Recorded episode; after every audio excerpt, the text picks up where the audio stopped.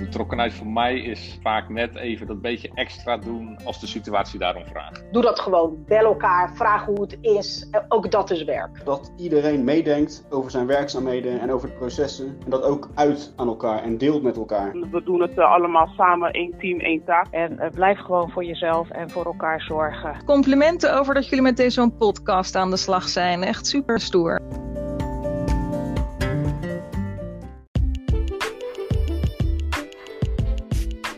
Welkom bij de podcast De Betrokken Dienstverlener. Ik ben Annemarie de Rotte. En ik ben Anne Boomsluiter. En in deze podcastserie gaan we op zoek naar de betrokken dienstverlener in onze collega's. Vandaag hebben we Tommy Ventevogel te gast. Tommy werkt bij het Stadsarchief en houdt zich bezig met preserveren, conserveren en restaureren. Nou ken ik het werk van het Stadsarchief een beetje, maar wat zij precies doen bij de afdeling van Tommy, dat weet ik niet. Dat weet ik inderdaad ook niet. En waar ik vooral ook benieuwd naar ben, is hoe het nu gaat met het archiveren van de coronabeelden van de stad.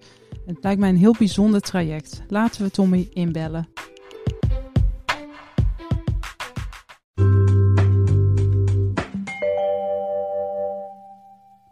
Hoi Tommy, welkom in deze podcast. Hoe gaat het met je? Hey, bedankt voor uh, uh, deze uitnodiging. Het gaat heel goed met mij. Nou, heel mooi. Leuk dat je er bent.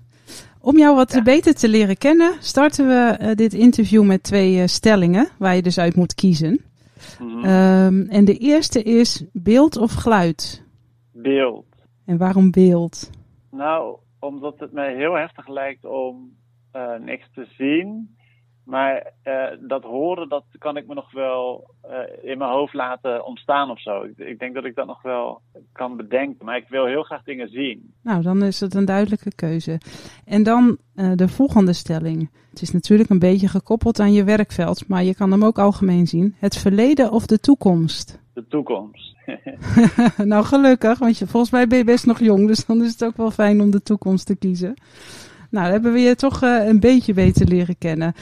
Uh, Tommy, wil jij onze luisteraars vertellen over de opdracht met digitalisering waar jij aan werkt?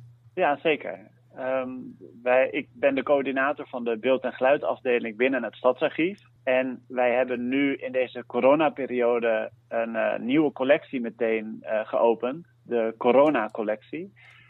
om in beeld te brengen, op allerlei voor, vormen eigenlijk, uh, wat dat doet met zo'n stad en met de geschiedenis. Want over 100 jaar denk ik wel dat dit een periode is natuurlijk die we willen terug uh, visualiseren. Uh, hoe doe je dat? Dus hoe, hoe komen we aan die beelden om op te nemen in het archief? Een deel van die coronacollectie, daar heb ik eigenlijk helemaal niks mee te maken. Dus mijn collega's van Stad en Regio bijvoorbeeld, die doen heel veel aan de acquisitie.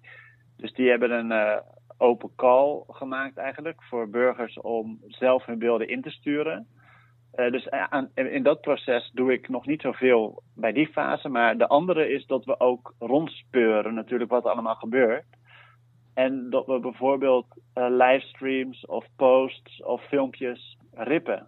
Ja. En dat is natuurlijk meteen een beetje een raar vakgebied, omdat we daar natuurlijk juridisch ook een beetje op een, in een raar vaarwater komen. Maar dat is dan voor ons zeker nog heel veel nawerk en nazoekwerk van hoe dat nou zit. Maar ik zit dus af en toe ook streams te onderscheppen. Ja. En uh, films van het internet af te halen om ze te beschermen en ze veilig op te slaan voor, uh, voor altijd. En, en haal je dan heel veel weg en dan kijk je later wat nou het meest relevant is? Of, of heb je zeg maar dusdanige kennis vanuit je werk dat je al gauw ziet, hé, hey, dit is iets relevants wat we, wat we moeten bewaren voor de toekomst? Ik werk eigenlijk vooral in opdracht. Dus uh, de collega's van Stad en Regio weer vanuit acquisitie of van archieven en collecties, die echt collectiebeheer doen, die, die uh, uh, zoeken uit en selecteren. En ik regel dan dat het digitaal, of in ieder geval duurzaam, bij ons blijft. Maar er is natuurlijk altijd een periode dat je inderdaad een hele grote coronacollectie hebt. En dat daar iemand nog wel iets uit kan gooien wat te veel voorkomt of niet echt iets toevoegt. Dat kan nog altijd gebeuren, ja. En, en hoe moet ik dat zien met die coronacollectie? Is dat, is zeg maar deze tijd nou echt een, een heel groot iets om vast te leggen? Ja, dit is een heel groot iets. Want we zagen meteen in het begin natuurlijk dat het stadsbeeld enorm veranderde. En de gedragingen van de mensen ook. Dus ik weet nog wel dat een van de eerste filmpjes is ook dat er mensen in RET-bussen en in trams binnenkomen. Waarbij de bestuurder ineens allemaal afzetlinten eh, voor zich heeft en je achterin moest instappen. Nou, dat is natuurlijk wel een heel ander soort eh, Rotterdam dan we een maand daarvoor hadden. Dus dat is in beeld natuurlijk een, eh, radicaal nieuwe, eh, nieuwe invulling van hoe we met elkaar omgaan in Rotterdam. Ja, precies. Ik, ik zie dat ook voor me. hè. Zo'n zo'n metro waar normaliter iedereen zich opgepropt voelde. En nu ineens allemaal op grote afstanden en dergelijke. Met mondkapjes. Met mondkapjes ook nog eens een keertje. Hey, eh, onze podcast gaat over betrokken dienstverlening. Jij vertelde al dat jij, eh, jouw werk niet altijd direct met de Rotterdammer is. Maar ik kan me voorstellen dat indirect Rotterdammers wel eh, eh, werk van jou zien als betrokken dienstverlener. Kan je daar iets over vertellen? Ja, zeker. Dus eh, ik heb geen directe dienstverlening in de zin van onze medewerkers bij de studiezaal, die natuurlijk echt een heel direct contact hebben met inkomende vragen. En eh, onze communicatieadviseurs bijvoorbeeld die ook weer uitsturen. Maar ik ben wel betrokken bij het digitaliseren van zaken die we dan via onze website toegankelijk maken. Dus de burger, en wat ik heel leuk vind als voorbeeld ook, dat er nu mensen vanuit Frankrijk of Israël hadden we pas, die eh, iets in het archief wilden zien, wat toevallig rechtenvrij was. Wat we dus op, op aanvraag konden koppelen op de website. En eh, zij konden die archiefstukken gewoon inzien van een enorme afstand. Ja, dus je zet eigenlijk de stad en het beeld daarvan eh, voor hen open.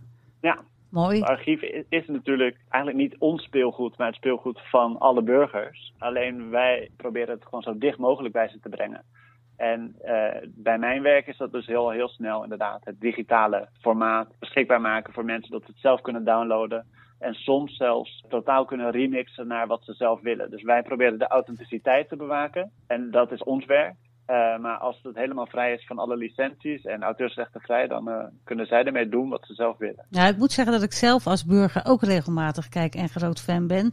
En dat het gewoon heel leuk is dat dat gewoon allemaal uh, beschikbaar is. Dus dank je wel daarvoor. Ja, en het mooie ook, omdat jij, Tommy, dat digitaal beschikbaar maakt, dat, dat het bereik natuurlijk gewoon de hele wereld is. Dat, dat is echt wel, dan heb je ook wel eer van je werk eigenlijk. Ja, zeker. Voor het werk wat, wat jullie doen, even los van corona, maar wat we bij het Stadsarchief doen.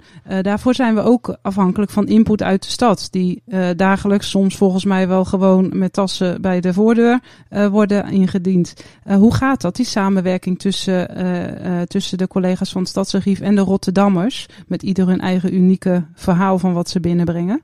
Hoe dat gaat, daar gaan andere collega's heel direct over. Maar uh, er is in ieder geval een open houding. En wij hebben natuurlijk hele specifieke kennis in huis. Bijvoorbeeld als je denkt aan de geschiedenis van Rotterdam, dan weet je natuurlijk, oh ja, het is heel veel Tweede Wereldoorlog, heel veel Holland-Amerika-lijn, heel veel Rotterdamse Lloyd.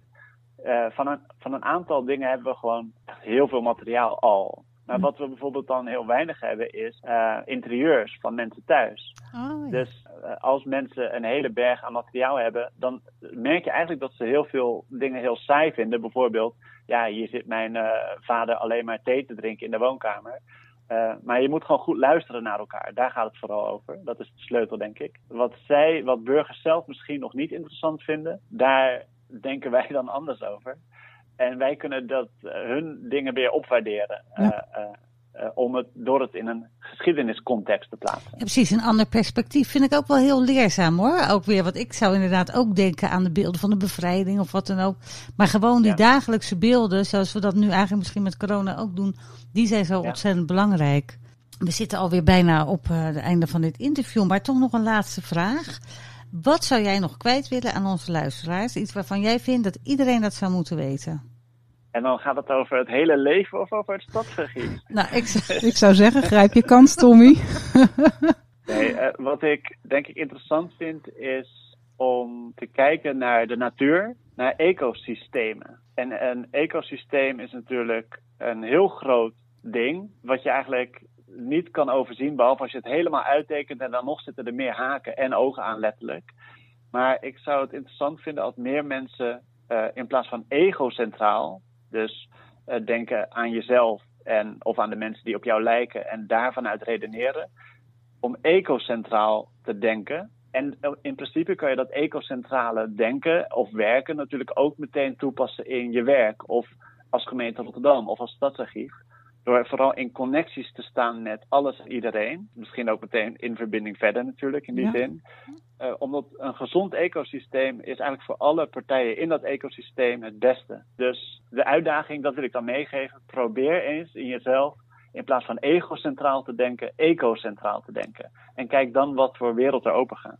Dat vind ik nou hartstikke mooi einde. Zo hebben we ze niet vaak in een, in een podcast. Maar ik vind hem eh, heel mooi als eh, vegan friend van mij. Want daar eh, kennen we elkaar ook van.